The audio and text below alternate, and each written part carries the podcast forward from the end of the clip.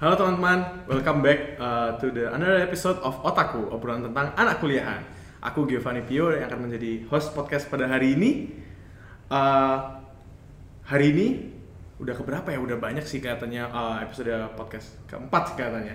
Nah kali ini kita bakal uh, ngomongin sesuatu yang menarik nih, yang agak serius lah anggapannya, uh, which is tentang startup gitu. Um, hari ini tapi aku nggak mungkin sendirian lah, aku nggak punya startup. Aku bakal aku kedatangan sama teman-temannya kita yang punya udah punya startup di sini menariknya. Uh, aku akan bakal kenalin ke kalian. Yang pertama ada Sam dan ada Brian di sini. Uh, dari mana kalian bisa kenalin diri dulu dong? Kalian tuh startupnya namanya apa? Gitu. Dari siapa dulu? Saya dulu. Silahkan. Ya udah.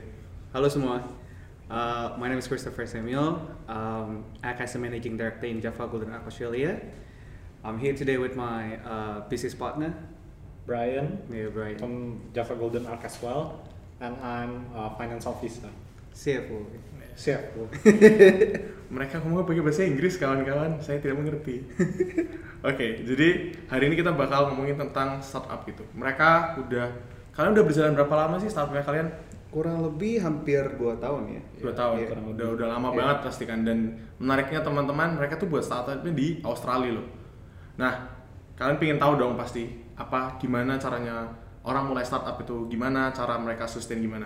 Oke, mari yuk kita langsung ngobrol sama mereka.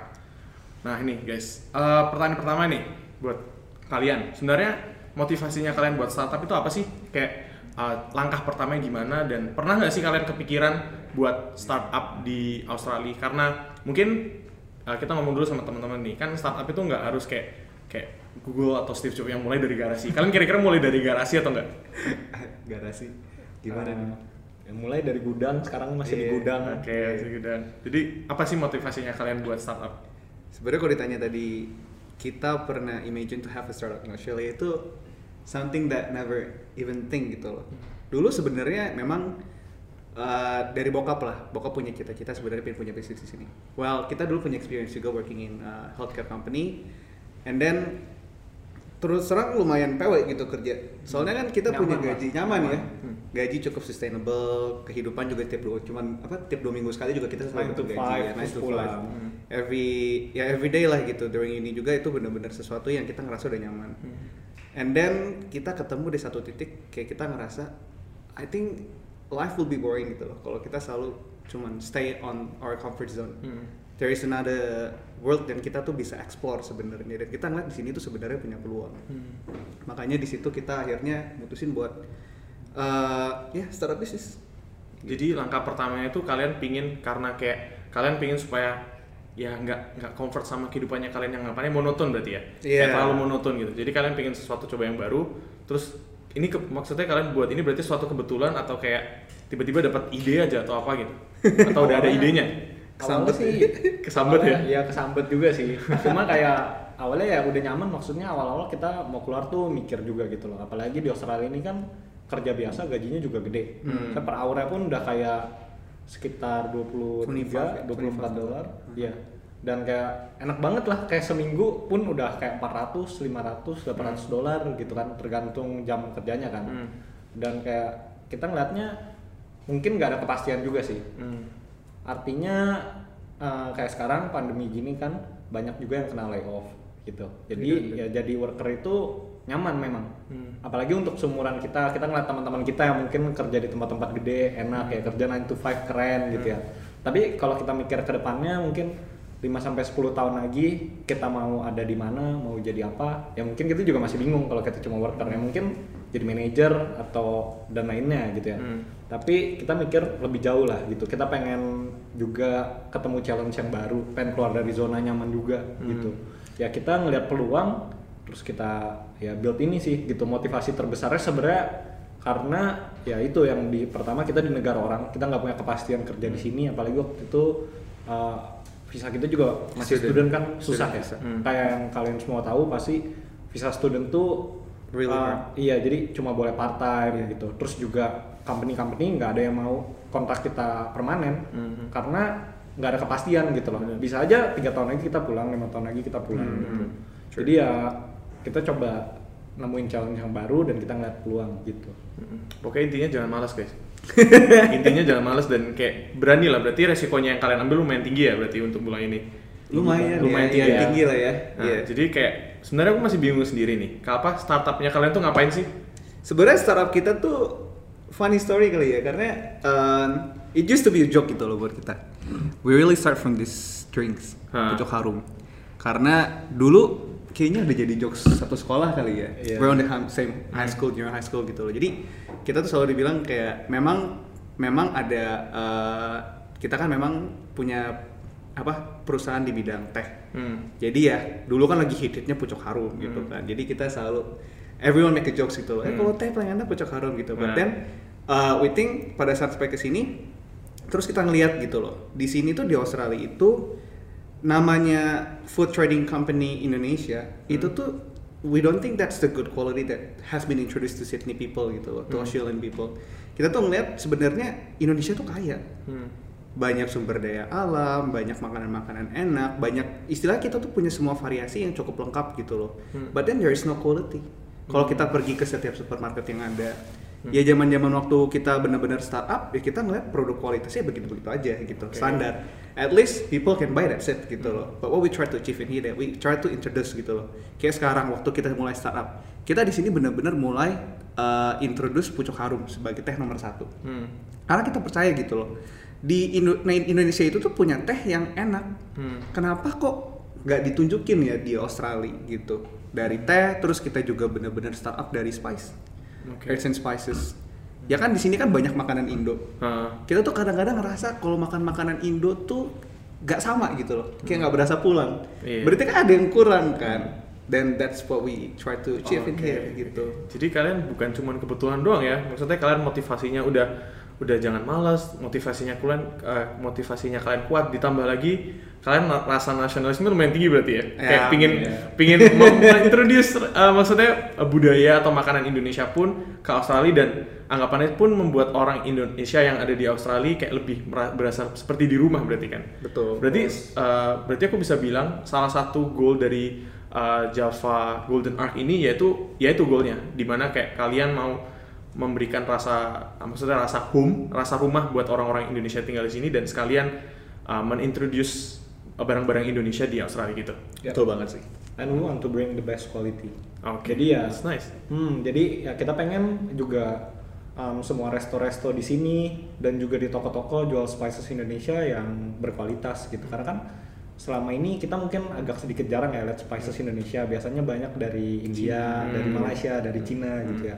Dan rasanya pun beda. Hmm. Dan di sini ya kita kayak yang kemarin Gordon Ramsay pun sempat ke Indonesia dan nyobain William. rendang bareng William Wongso itu pun Gordon Ramsay pun bilang spices Indonesia tuh kaya banget rasanya Hmm. dan kita rasa orang Australia itu senang banget sama yang makanan yang kaya rasa dan wangi Hmm. gitu dan di sini kita coba bawa agar makanan-makanan Indo di sini juga lebih autentik gitu. Oke, oh that's nice. Aku jadi jadi lapar pengen rendang. anyway, jadi uh, daripada kita bahas tentang uh, startupnya kalian terus, kan ini orang lu juga pasti penasaran nih, gimana gini ceritanya awalnya. Uh, menurut kalian apa sih maksudnya komponen-komponen awal uh, untuk membangun sebuah startup? basic knowledge ya Basic knowledge-nya. foundationnya itu benar-benar harus kuat and then mental Hmm. karena nyokap sih yang selalu bilang kalau jadi seorang pengusaha itu mentalnya harus 100 lebih 100 kali lebih daripada seorang pekerja Hmm. karena if you're being a businessman then you have to understand everything Hmm. you have to get that basic knowledge from the small things gitu loh let's say kayak kita sekarang Hmm. uh, food trading company mungkin orang-orang ngeliat food trading company barang datang jual beres Hmm. but that's not it gitu loh kita benar-benar mesti belajar produk yang kita jual itu apa sih Hmm. kualitasnya ada di mana expirednya tuh berapa lama Hmm. baik nggak dikonsumsi untuk orang-orang di sini ingredientsnya ada apa aja gitu Hmm.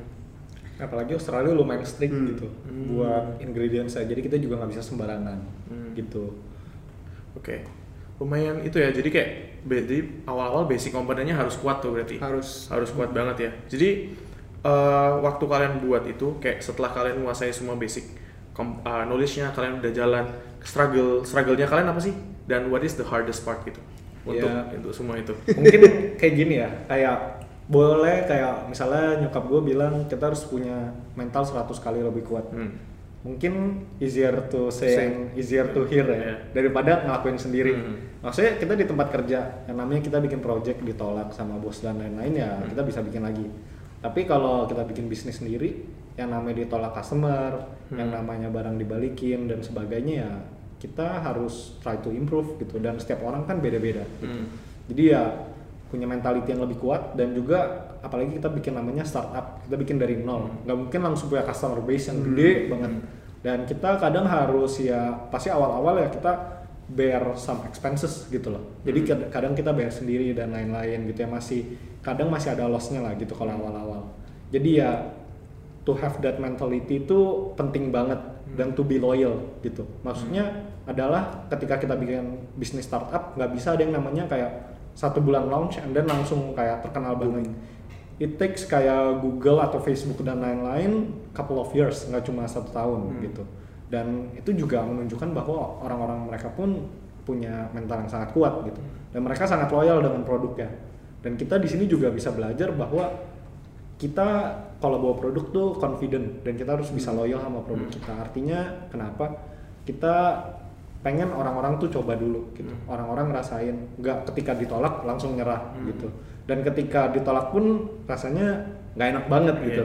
Apalagi kan di sini kalau gua saya lebih sering marketing. Hmm. dan dia udah ngerasain lah yang namanya pu maksudnya kita datang ke sana suruh nyobain dan pulang tangan kosong gitu. Nggak bawa order dan lain-lain ya. Kita harus biasa gitu. Itu namanya usaha namanya bisnis. Itu adalah hal biasa gitu. Oke. and we have to get used to it sih. Every day Bener is a banget. challenge, kan? Bener banget.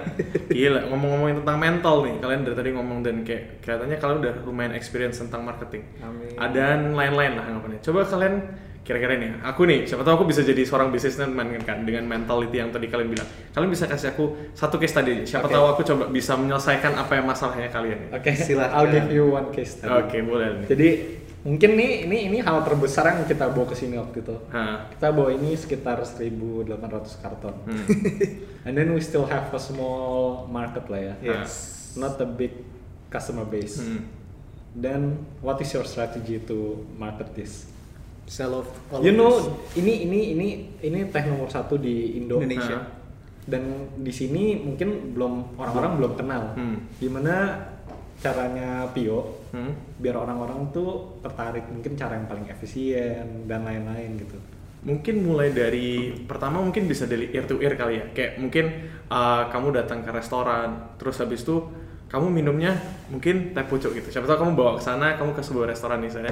Ya, let's say yang paling mungkin paling gampang restoran Indo ya. Kali kamu ke restoran Indo, kamu bawa teh pucuk, terus kayak, eh ini enak nih tehnya. Terus siapa tahu yang di situ saya waktu denger dan kayak, eh teh pucuk kelihatannya lagi terkenal nih, terus kayak enak lagi gitu. Uh, terus dari situ mungkin mereka bisa kayak, oh kira-kira uh, ambil teh pucuk di restoran kita bisa kali. Nah dari situ kan orang yang masuk ke restoran Indo kan nggak nggak mostly orang Indonesia, bisa juga bule dan kayak kalau bule datang ke situ atau orang luar datang ke situ lokal dia bisa oh ini tehnya enak. Kayak gitu mungkin kali ya. Atau kalian ada tips yang lebih oke?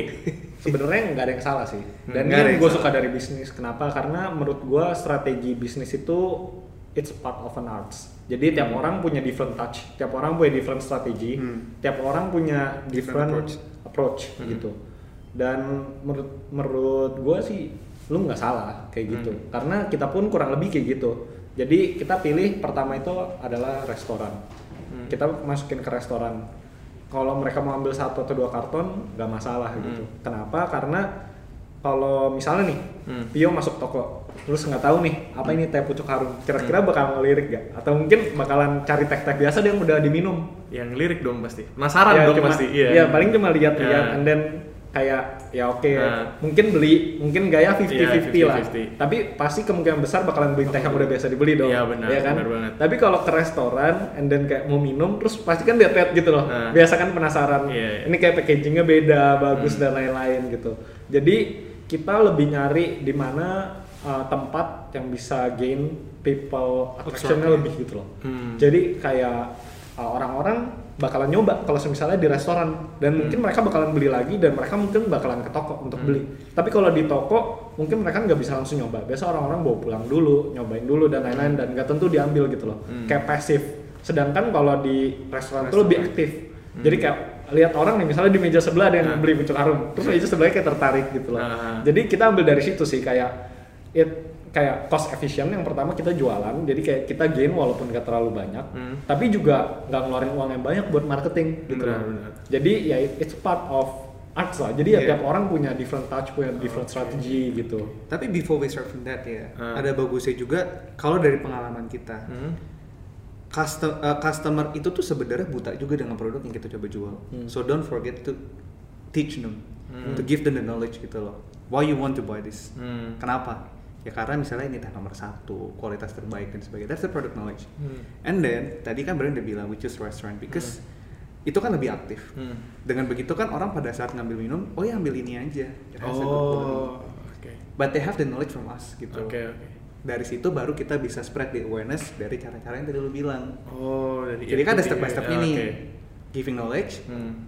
and then they accept, they will spread the news. Hmm. Jadi mungkin kalau pakai cara lu kan bakalan makan waktu yang lumayan banyak dong karena Iya. kan kita harus pergi ke satu-satu Iya. restoran dan mungkin costly karena kita harus keluarin uang terus-terusan kan Hmm. tapi kalau semisalnya kita jual ke restoran dan misalnya ada satu meja yang makan mungkin meja lain tuh ngelirik gitu loh. Oh, iya. ngelihat kayak oh ada minuman baru nih Iya. boleh dicoba nih gitu biasanya tap water doang kan biasanya. Jadi bisa guys kalian ke restoran Indo kalau ada ini beli ya gitu.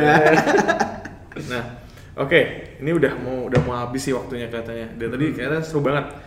Oke, kayaknya sebelum kita tutup menarik sih kelihatannya kalau kalau kalian ini kayak satu-satu boleh kasih tips ke kita semua yang lagi dengerin atau orang-orang yang pingin startup. Kayaknya tipsnya bisa mulai dari mana atau apalah gitu. Oke, mungkin dari dari gue dulu ya. Hmm. Uh, to start a business itu better lu bener-bener udah determine your will.